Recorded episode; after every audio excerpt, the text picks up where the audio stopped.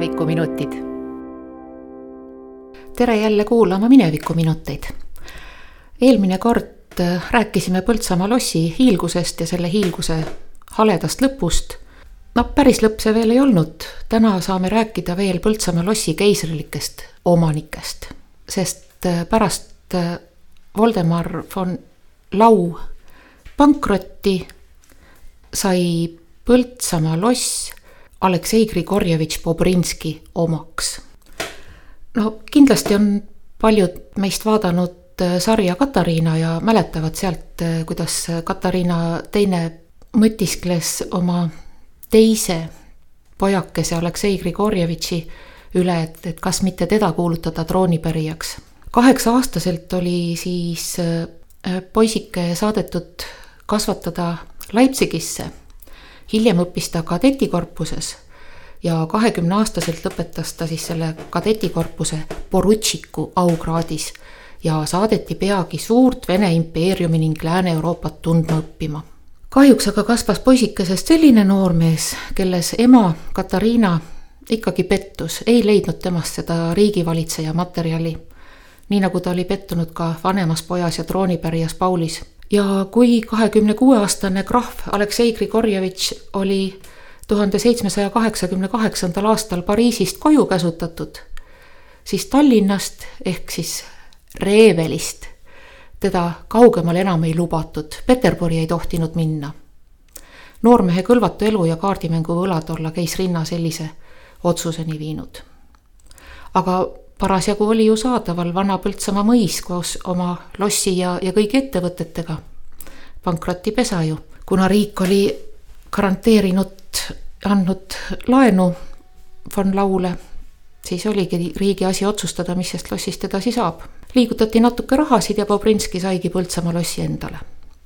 algul olla küll äh, väikese Aleksei perekonnanimi olnud äh, Romanov, nagu keisrlikul suguvõsal pidigi olema aga talle läänistati Tuula kubermangus Bobriki mõis ja selle järgi on pandud siis nimeks Bobrinski. ehkki mina teadsin küll kogu senise elu, sest et koolis õpetati kunagi, et vastsündinud poisike oli mähitud kopra nahkadesse, kober, kobras on vene keeles bobr ja sellepärast anti siis talle nimeks Bobrinski. ja Aleksei Bobrinski abiellus Tallinnas, Tallinna komandandi tütrega. see oli siis Anna Dorothea von Ungern-Sternberg.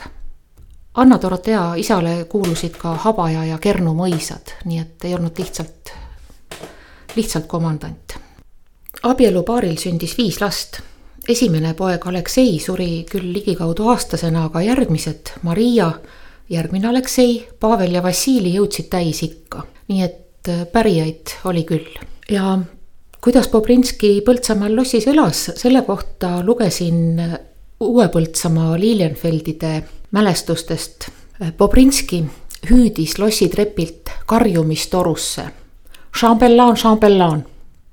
ja selle peale siis Uue Põltsamaa Karl von Lilienfeld läks lossi kaarte mängima. nii et äh, kaks lähedast mõisa lihtsalt hüüdmise kaugusel ja kutsud naabri kaarte mängima lisaks kaardimängule ja äh, kaunitaridele huvitasid äh, Krahv Bobrinskit astronoomia, mineraloogia, põllumajandus. Põltsamaa lossitorni ehitas Bobrinski observatooriumi ehk tähetorni. sellest on natuke kahju ka, aga noh, nüüdseks on kadunud nii üks kui teine.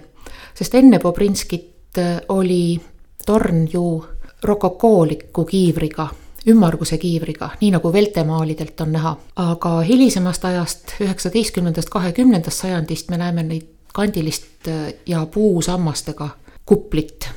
Bobrinski uuendas losi sisustust. no iga põlvkond ikka renoveerib midagi, et siin tõesti, enne kui see kõik ära põles, ikka iga põlvkond oli püüdnud midagi renoveerida teistmoodi teha, uutmoodi, midagi vana ja väärtuslikku ära lõhkuda. aga Bobrinski arendas laust jäänud raamatukogu ja veetis Eestis ühtekokku üheksa aastat. sellepärast, et äh, kui Katariina teine ära suri, siis äh, ei olnud Bobrinskil enam keeldu Peterburi minna, vaid läkski. ja põhiliselt elas ta hiljem Tuula kubermängus Bogoroditskis ja külastas vahel Peterburi ja Põltsamaad. hiljem elas Bobrinski põhiliselt Tuula kubermangus oma Bogoroditski mõisas ja noh, külastas vahel Peterburi ja Põltsamaad ka. Põltsamaa lossi ja selle juurde kuuluva mõisa rentis ta välja Karl Gustav von Vaalile nii et see on nüüd esimene kord, kui Põltsamaa kihelkonda ilmub perekond von Vaal ja Põltsamaa lossis elas see perekond siis tuhande kaheksasaja neljandast kahekümne viienda aastani. selle aja sisse jääb ka ju Napoleoni Moskvas käik ja kui Napoleon oli juba lähedal ja ei olnud selge, mis suunas ta liigub, siis Põltsamaa lossis olevat olnud äh, vaalidel saanid pidevalt põgenemiseks valmis ja osa varandust olevat olnud vallikraavi peidetud. huvitav, kas nad leidsid pärast kõik ka üles või on järgmised põlvkonnad midagi vaalide varandusest kätte saanud.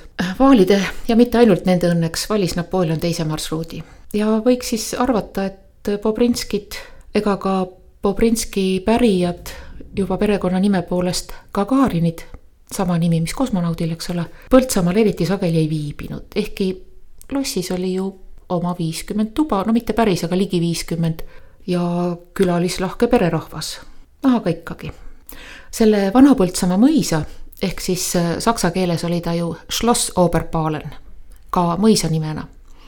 et siis Põltsamaa lossimõis, kui otse tõlgiks. Selle pärandas Bobrinski oma tütrele Maria Aleksejevnale ja Mariaga, no igatahes Maria abiellus väga-väga väärikast suguvõsast vürsti Nikolai Sergejevitš Gagariniga. Maria ja tema ema olevat olnud ülimalt rõõmsad ja külalislahked inimesed. Nende piduõhtud ja paraku Moskvas, mitte Põltsamaal, olid olnud väga kuulsad ja kõik lähikondsed olid hirmsasti-hirmsasti kurvastanud, kui Maria äkitselt kolmekümne seitsme aastasena, mitte sugugi vanana ju, haigestus ja paari päeva pärast suri. väga kurb lugu. aga vürstid Gagarinid, kellest nüüd peame edaspidi rääkima Põltsamaa lossi omanikena, Nemad pärinevad iidsest Bojaari suguvõsast. see ilus perekonnanimi tuleb väga ilusast ja erilisest linnust, ka Eesti oludes väga erilisest kaitsealusest linnust, järvekaurist. aga samas see, see sõna tähendab ka tõmmut, pikakaelalist ja naljahammast, et sellised seletused. Kõik muud Gagarinid peale vürstide, sealhulgas kosmonaudi Juri Gagarini suguvõsa peavad end pärinevaks vürstide Gagarinite pärisorjade hulgast. ja Gagarinitest, noh, me saame lugeda internetist palju-palju, äh, eelistaks autoriteetseid allikaid ja, ja rohkem kindlasti venekeelseid allikaid. aga Gagarinitest on rääkinud ka David Vsevjov äh, sarjas Müstiline Venemaa ainult et mitte siis viimastel aastatel, et see on selline suhteliselt alguse poole. on võimalik äh, ERR-i arhiivist kuulata. Nikolai Sergejevitš teenis muidugi sõjaväes.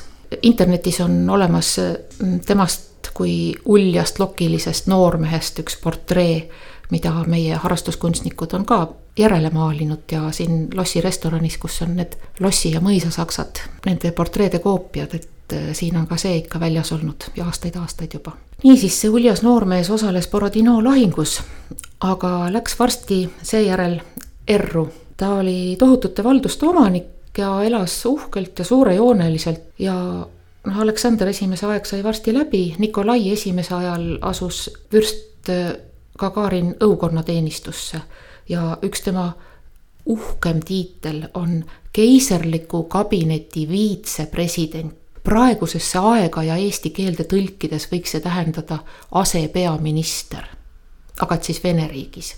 Ja huvitav seos Põltsamaaga on Gagarini puhul selles, et pisut varem tõelise riiginõunikuna oli tema ülesanne tegeleda riigis asuvate klaasi- ja portselanivabrikutega. aga nii nagu Maria Aleksejevnal oli kurb saatus noorelt surra, nii ka Nikolai Sergejevitšil, sest äh, üks tema solvunud, pettunud metsnik lasi tal lihtsalt maha. siin on kuidagi seos jällegi Põltsamaaga meenutab äh, seda tuhande seitsmesaja kuuekümne kuuendat aastat, kui Lossi Preili pidi abielluma Reinhold von Igelströmiga ja selle sakslasest äh, kammerteener siis Peigmest haavas. aga siis jah, Igelström jäi ikka ellu aga Gagarin jah, sai surma ja tema ja Maria lastest olid selleks ajaks surnud ka äh, kaks tütart, aga vanaemale, sellele Tallinna komandandi tütrele Anna Dorotea Bobrinskajale jäi kasvatada neljateistaastane äh, Lev Nikolajevitš. Ja järel olid veel tütar Leonilla ja poeg Nikolai, kes olid juba täiskasvanud. aga Põltsamaa jäigi hiljem sellele kõige nooremale Lev Nikolajevitšile, aga jälle oli kurb saatus, täiesti traagiline lugu, Saksamaal reisides sai Lev koos oma pojaga Saksa õnnetult otsa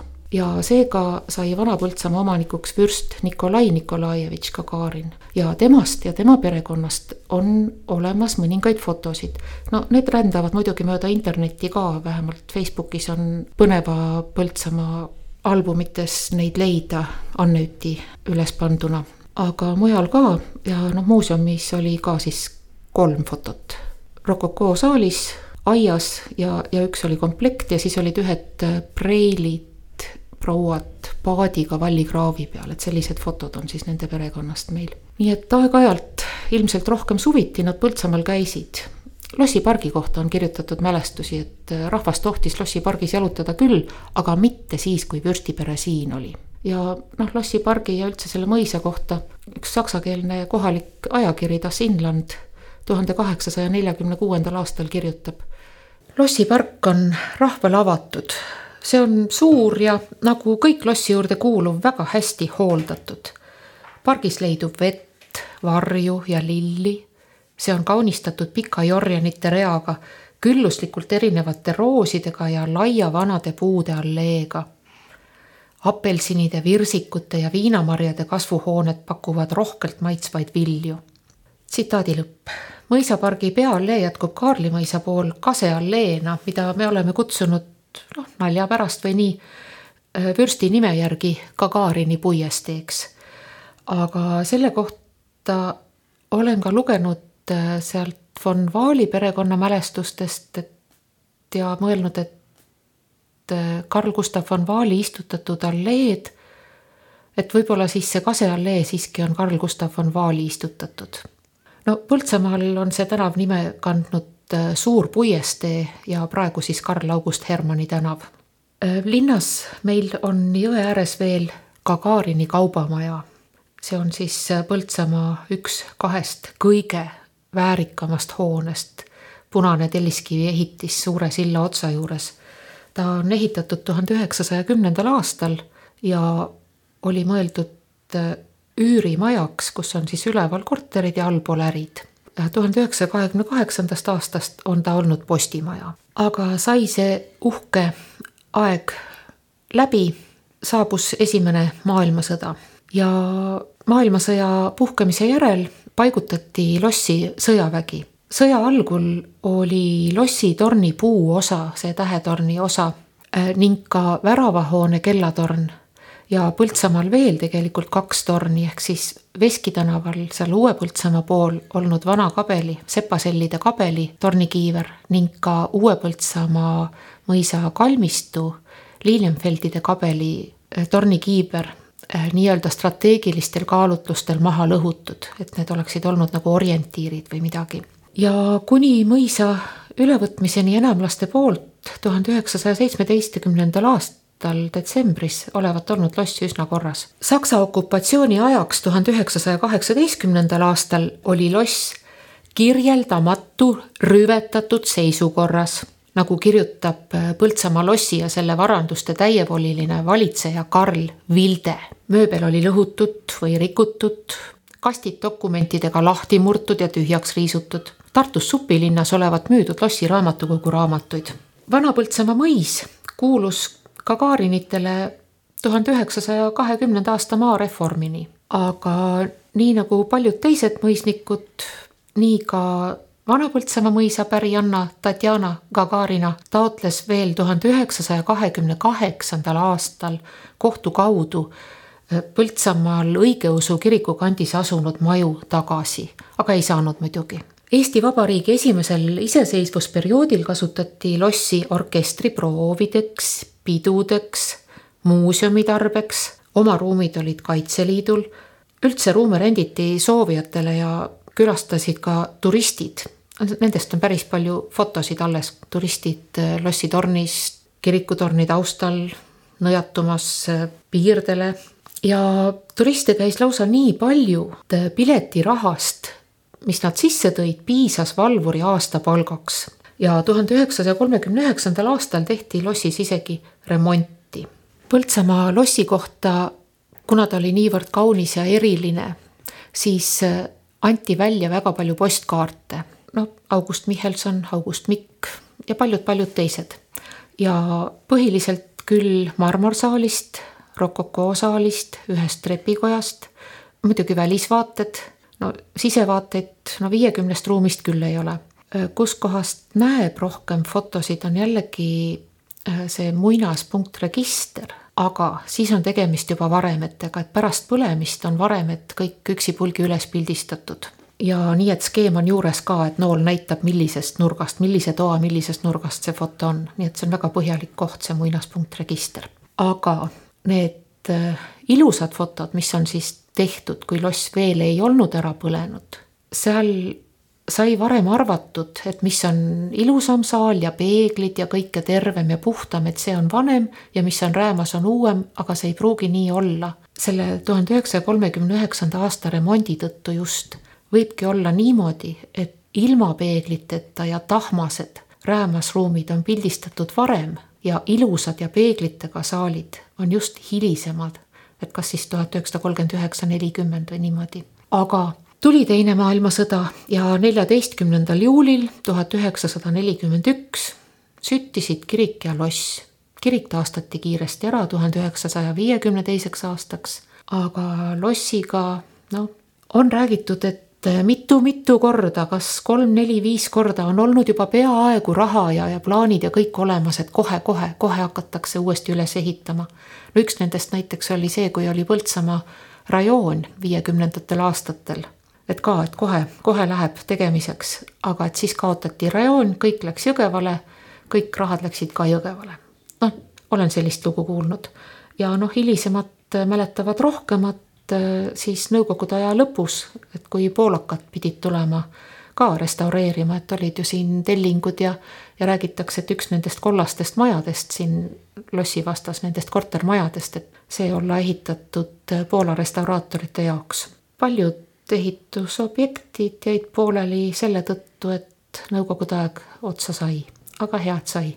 ja inimesed on neid varemeid siin ikka uudistanud aastate jooksul üht-teist koju ära viinud, mida leidnud huvitavat. üsna kohe pärast põlemist oli näiteks käinud üks endine lossiteenija, leidnud pisikese, imepisikese kohvitassikese õrna portselanist, Langebrauni oma. see toodi muuseumisse hiljem. eks ma teangi ju nendest asjadest, mis hiljem muuseumisse jõudsid. teistest ju ei tea aga Langebrauni tass on küll siis tuhande üheksasaja kolmekümnendate aastate teema, et teda ei või mitte Põltsamaa portselaniks nimetada ega, ega arvata, et äh, krahvid, parunid ja vürstid on teda oma käes hoidnud. tuhande seitsmesaja viiekümnendal aastal eraldati Põltsamaa lossi mõisa maadest Põltsamaa jõe vasakkaldal asuv Uue Põltsamaa mõis ehk saksa keeles Neu Oberpalen ja need kaks mõisa, nad olid nii lähedased naabrid, nad olid perekondlikult täielikult seotud, nii et äh, neid oleks igati põhjendatud niimoodi koos vaadelda. Uue Põltsamaa mõis lahutati Vana-Põltsamaast, ehk siis noh, sinnamaani polnud põhjustki öelda Vana-Põltsamaa kohta Vana-Põltsamaa. Kui polnud uut, polnud ju ka vana. aga eraldati siis Vana-Põltsamaast äh, selle tõttu, et ikka need äh, Heinrich Ficki viis tütart, kõige noorem tütar Kristiina Jakobina oli abiellunud tuhande seitsmesaja neljakümne kuuendal aastal ehk siis neli aastat varem Andja mõisast pärit Jakob Heinrich von Lilienfeldiga. ja nemad siis kahekesi saidki endale selle uue Põltsamaa mõisa. nii et äh, Põltsamaal liikudes on meil suhteliselt lihtne, parem kallas Vana Põltsamaa, vasak kallas Uue Põltsamaa. tõsi küll, vasakkaldal tuleb veel ka pastoraat, kirikumõis. mida me teame Kristiina Jakobinast? suurt midagi, võime rääkida sellest, mitu last ta sünnitas, aga mis tema elust, nagu naiste elust üldse, ikka räägime meestest. niisiis räägime Lilienfeldidest. Põltsamaale saabus tema kolmekümne aastase noormehena. kas kolmkümmend tolles ajas oli noormees, võib-olla mitte. Ta oli selleks ajaks väga palju elu näinud juba, aga Lilienfeldid ise olid algselt pärit Rootsist ja seal nad ei olnud siis sellise saksakeelse nimega. kõigepealt oli tegemist hoopiski Lars Larsson modulaariga, kellele kuninganna Kristiina tuhande kuuesaja viiekümnendal aastal andis lisanimeks Av Lillefelt seoses Rootsi aadlimatriklisse kandmisega. ja saksakeelne nimi tuligi siis tuhat seitsesada nelikümmend kuus, kui kanti Eestimaa aadlimatriklisse. Lilienfelde oli kokku neli venda ja üks õde, aga kaks venda langesid kas otseselt või kaudselt sõja tõttu. aga kaks venda jäi järele, Karl Gustav ja Jakob Heinrich ja nemad tegid karjääri Venemaa valitsejannade Anna Ivanovna ja Anna Leopoldovna õukondades. aga vanem vendadest Karl Gustav, kuna tema abikaasa oli ustav Anna Leopoldovnale, aga järgmine keisrinna Elisaveta Petrovna ei saanud sellist asja sallida, siis oli vendade karjäär sellega ka läbi. vanem vendadest oli pagendatud kaugele Jakuudimaale, ta hukkus Jakutskis. noorem vend Jakob Heinrich, tema oli Pariisis saatkonnas parasjagu teenimas, aga ta kutsuti tagasi ja anti valida, et kas pagendus Hiiumaal või sõjavägi. ja tundub, et Jakob Heinrich, ehkki ta kandis ka majori aukraadi, aga tema ei olnud sõjamees, erinevalt siis Vana-Põltsamaa lossiomanikust Voldemarist ja peagi abiellus Jakob Heinrich Põltsamaa lossipreili Kristiinaga ja, ja sai endale uue Põltsamaa mõisa ja ka Kaavere mõisa. ja veetiski siin peaaegu kogu ülejäänud elu, ligi nelikümmend aastat. ja kokkuvõttes osales ta Põltsamaa industrialiseerimises ja asustamises ja üldises arendamises isegi edukamalt kui lossiomanik erinevalt lossiomanikust Laust ei läinud tema ärid pankrotti. Noh, ta ei võtnud ka nii suurelt ette ilmselt ja, ja kuna temal oli ka poegi, siis tema perekonnanimi on kestnud siiamaani. Põltsamaal on ta kestnud tuhande üheksasaja kolmekümne üheksanda aastani. August Wilhelm Huupel, toonane kirikuõpetaja, kirjutab äh, Uue Põltsamaa mõisast sedamoodi. jõe teisel kaldal, lossi vastas, asub Uue Põltsamaa mõis mille nüüdne omanik, härra salajane saatkonna nõunik von Lilienfeld kivihoonetega väga toredasti on üles ehitanud.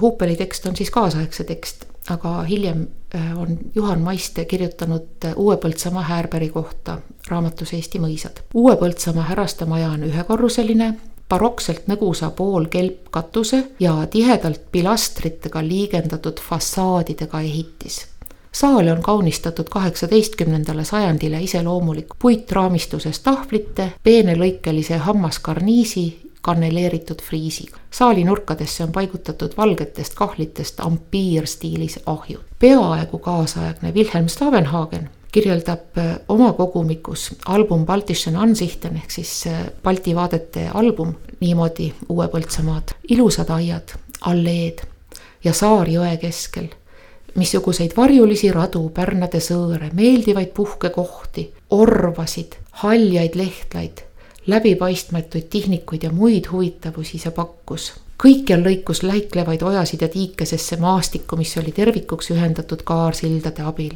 ja lisaks kõigele sellele kaunile jõele, parkidele, mõisa Häärberile äh, arendati ka jõe vasakkaldal välja käsitööliste asula ehk Haakelverk see algas siis Suure silla juures Vesiveskiga ja kulges üle praeguse Roosi saare, ehk siis see Roosi saar oligi see põhiline asustatud koht ja edasi pikki Jõgeva maanteed.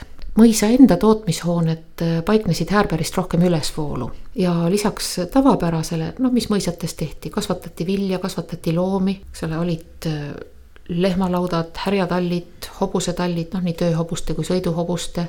osades mõisates olid veel koeratallid, eks ole, jahikoeri peeti suurel hulgal ja ka siis eh, jah, veskid loomulikult, kuna toodeti vilja, aga siis lisaks eh, tavapärasele sellisele mõisatooda, toodangule tehti siin eh, nisujahust puudrit.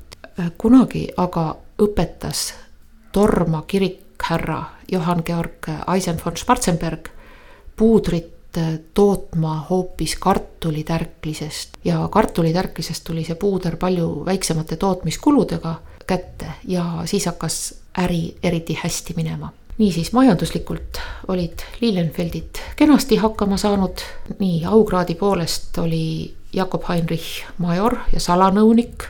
nimelt äh, oli, ütleme nüüd oli siis Elisaveta Petrovna oli juba valitsenud, nüüd oli siis Peeter Kolmas ehk siis Katariina teise abikaasa lühikeseks ajaks. Peeter Kolmas oli äh, nimetanud Äh, Jakob Heinrichi oma riiginõunikuks ja hiljem salajaseks saatkonna nõunikuks, nii et äh, Peeter Kolmanda õukonnas oli tal ka tiitleid ja tal oli ka seal mõju ja äh, liberaliseerimise ja sellise nagu pärisorjuse teemad, et, et sellistel, sellistest asjadest nemad Peeter Kolmandaga kindlasti vestlesid ja arutasid võimalusi, kuidas saaks pärisorjust kaotada, sest see on üks Lilienfeldi teemadest küll. ja kindlasti Jakob Heinrich Lilienfeld ehkki tal olid need uhked tiitlid, aga tundub, ta siiski ei kippunud eriti Põltsamaalt ära. et kuidas ta siis osales riigi asjade arendamise juures. kindlasti ta tundis vastutust riigi hea käekäigu pärast. no tegelikult teda on huvitanud kogu Euroopa saatus. võib-olla kaugemale, et nagu kogu maailm, et võib-olla see ei ole teema, aga Euroopa kindlasti. ja kui tema äi Heinrich Klaus von Fick oli tahtnud teha Põltsamaast näidisasumit, millel, millest kogu Vene riik võiks võtta eeskuju, kuidas Venemaa korralikuks Euroopa riigiks arendada, siis Jakob Heinrich jäi rohkem kirjutamise juurde. Ja kirjutamisest ta on harrastanud juhuluulet, ta on kirjutanud filosoofilisi traktaate aga ka näidendeid.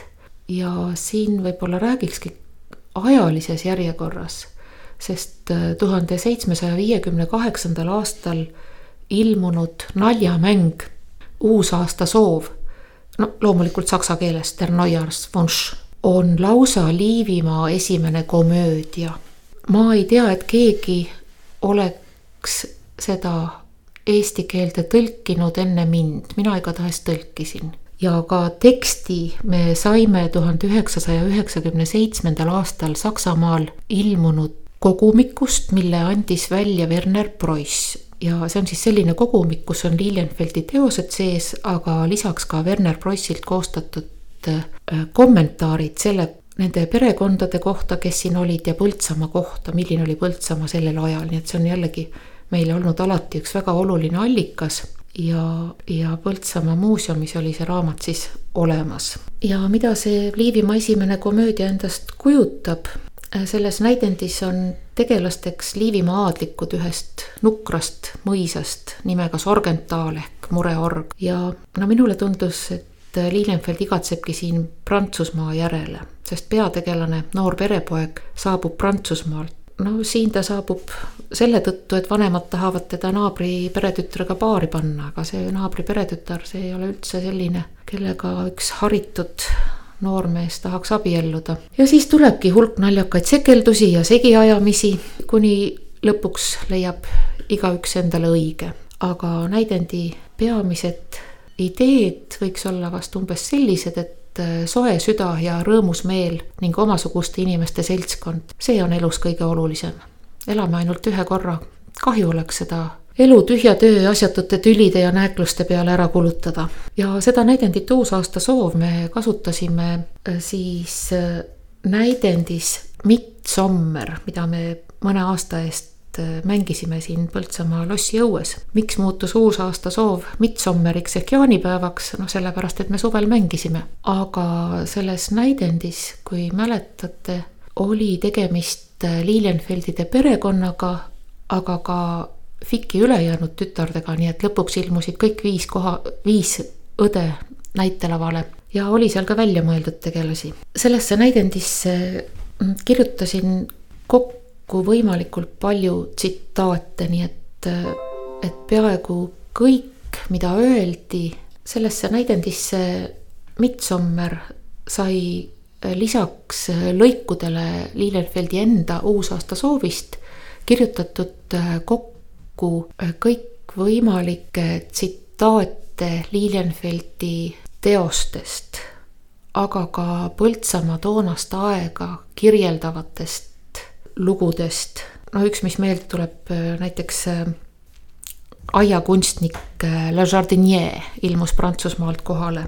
Põltsamaa parkide ja aedade arendamise kohta ei ole nii konkreetset jälge, võib-olla nad on, aga Põltsamaa lossifond ajalooarhiivis on tõesti nii suur, et keegi pole suutnud seda niimoodi läbi töötada veel. aga on teada Adavere kohta kindlalt, millal hakati parki arendama. Kuna aga Adavere oli samas kompleksti, komplektis, kas pole siis loogiline mõelda, et Põltsamaa parki hakati varem tegema ja võib-olla sama aiaarhitekti eeskujul tööna, siis äh, kirjutatakse mõisnike seisuse uhkusest. Et äh, selle tõttu, tõttu oli vajalik näidendisse välja mõelda selline kangelane, kellega peretütar võiks abielluda, et kui oli näidendis koduõpetaja, mis oli jällegi inspireeritud ühest Põltsamaaga seotud näidendist ja Lilienfeldide mõtet, Lilienfeldi mõtetest, äh, siis ei saanud lasta koduõpetajal lossipreiliga või mõisapreiliga abielluda, vaid mõisapreilile tuli leida ikkagi üks äh, samast seisusest või, või veel parem kõrgemast seisusest peigmees. et niimoodi tuli siis üks, üks ümber riietunud toapoiss sinna näidendisse ja, ja olgu nüüd selle näidendjutuga praegu lõpetatud mm,. Lilienfeldi enda näidend Uusaasta soov, see aitab kindlasti meil mõista, mismoodi kaheksateistkümnendal sajandil siin Liivimaal mõisnikud elasid ja edasi võib-olla, mida Lilienfeld Euroopa kohta plaanis. sest ta kirjutas kolmeosalise, no siis, siis oli lausa niimoodi, et uus riigi ehitus kolme raamatuna. Ehkki need raamatud ei olnud teab mis suured paksud raamatud, nii et ütleme pigem, et kolmeosaline filosoofiline traktaat Uus riigi ehitus, saksa keeles Neues Staatsgebäude ta pakkus ühe esimese autorina välja idee, et Euroopa riigid võiksid ühineda ja ühinemise põhieesmärgiks oleks sõdade ärahoidmine. Euroopas ei peaks üldse enam sõdu olema. tüliküsimused saab ju üle-euroopalises kohtus ära lahendada. Mõistusega inimesed, need suudavad ju omavahel vesteldes kõiki rahuldava tulemuseni jõuda. noh, kaheksateistkümnes sajand oligi selline mõistuse võidukäiku uskumise sajand. sõda pole õiglus, kirjutab Lilienfeld. sõjavõit sõltub õnnest. iga sõja lõpus peetakse nagunii rahukongress ja siis selline vallatu mõte või kalambuur või midagi taolist, et aga siis võiks ju sõja üldse vahele jätta ja kohe hakata kongressi pidama. kutsutagu kokku kristlike valitsejate kongress, kes sõlmivad üldise rahukokkuleppe. Lilienfeldi plaani järgi tuleks Euroopas moodustada rahvuste tribunal, millesse kuuluks kuuskümmend üheksa isikut ja selle tribunali otsusele alluksid kõik valitsejad vabatahtlikult noh, nii nagu on paavsti juures kirikukontsiil. Ülalpidamiskulud jaotatagu riikide vahel vastavalt nende suurusele ja võimsusele. Äh, siis tuleb veel koostada rahvusvaheline seaduste raamat ja kui siis mõni riik ikkagi rahvuste tribunali otsust eirab, no siis kõigepealt tuleb teda ikka veenda hea sõnaga. aga kui ta ikka lõpuks mõistuse häält kuulda ei võta, siis võib jõudu kasutada, ei jää muud üle, sest Lilienfeldi plaani järgi noh, tuleb paraku ikkagi ühendarmee moodustada. Äh, selle oma filosoofilise äh, traktaadi Neues Staatsgebäude ehk uue, uus riigi ehitus äh, tõttu on Jakob Heinrich von Lilienfeld arvatud ühise Euroopa idee kujundajate hulka koos Dante, Immanuel Kanti, Leibnizi, paljude teistega ja tema kohta on artikkel kahe tuhande kuuendal aastal Brüsselis koostatud kaaluka kogu teose Europe giving shape to an idea sees. see on äh, veel üks selline mm, raamat, mida Eestis võib-olla väga palju ei ole, aga Põltsamaal on, sest sellega oli seotud äh, hulk äh, suhtlemist Brüsseliga, prantsusekeelne kirjavahetus, nii et sai raamatu jaoks kirjutatud Lilienfeldist üht-teist ja aidatud otsida, kus saaks tema teost no näiteks Kaane pilt ja seda raamatut anti siis välja kahe tuhande kuuendal aastal äh, kõvakaanelise ja väga suure formaadilisena ning hiljem väiksema ja pehmekaanelisemana teist korda veel ja mõlemad eksemplarid äh, Põltsamaa muuseumis olid siis olemas. Mm, ta on olemas ka saksa ja prantsuskeelsena ning eesti keeles võiks teda enam-vähem nii tõlkida, et Euroopa idee võtab kuju Lilienfeldi ennast kasutas prototüübina üks teine näitekirjanik, kellest meil oli seoses lossiga juttu, et siis oli see kirjanik Jakob Michal Reinhold Lents alles viieteistaastane ja kirjutas Haavatud peigmehe.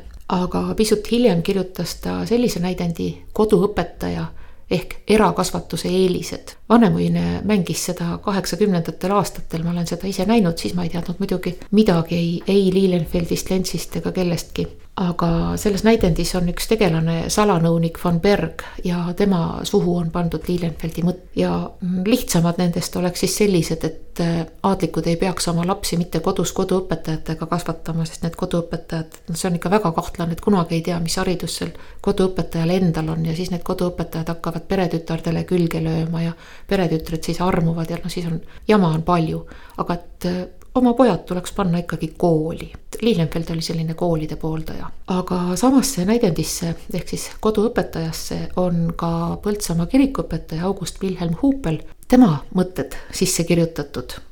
ja need on antud rääkida tegelasele, kelle nimi on koolmeister Venceslaus. ja see näidend on nüüd küll eesti keeles täiesti ametlikult olemas ja ära trükitud raamatus JMRL Liivimaa klassikasarjas. no need JMRL ongi siis selle Lentsi nimetähed, eks ole. et seal on tema teosed eesti keeles olemas, et äh, tänases äh, saates sellega lõpetaksime. ja järgmine kord saame veel natukene edasi rääkida Lilienfeldide perekonnaloost, kuidas nad siin Põltsamaal elasid ning äh, siis ka järgmistest Põltsamaa kihelkonna mõisatest ja nende perekondadest. aitäh kuulamast.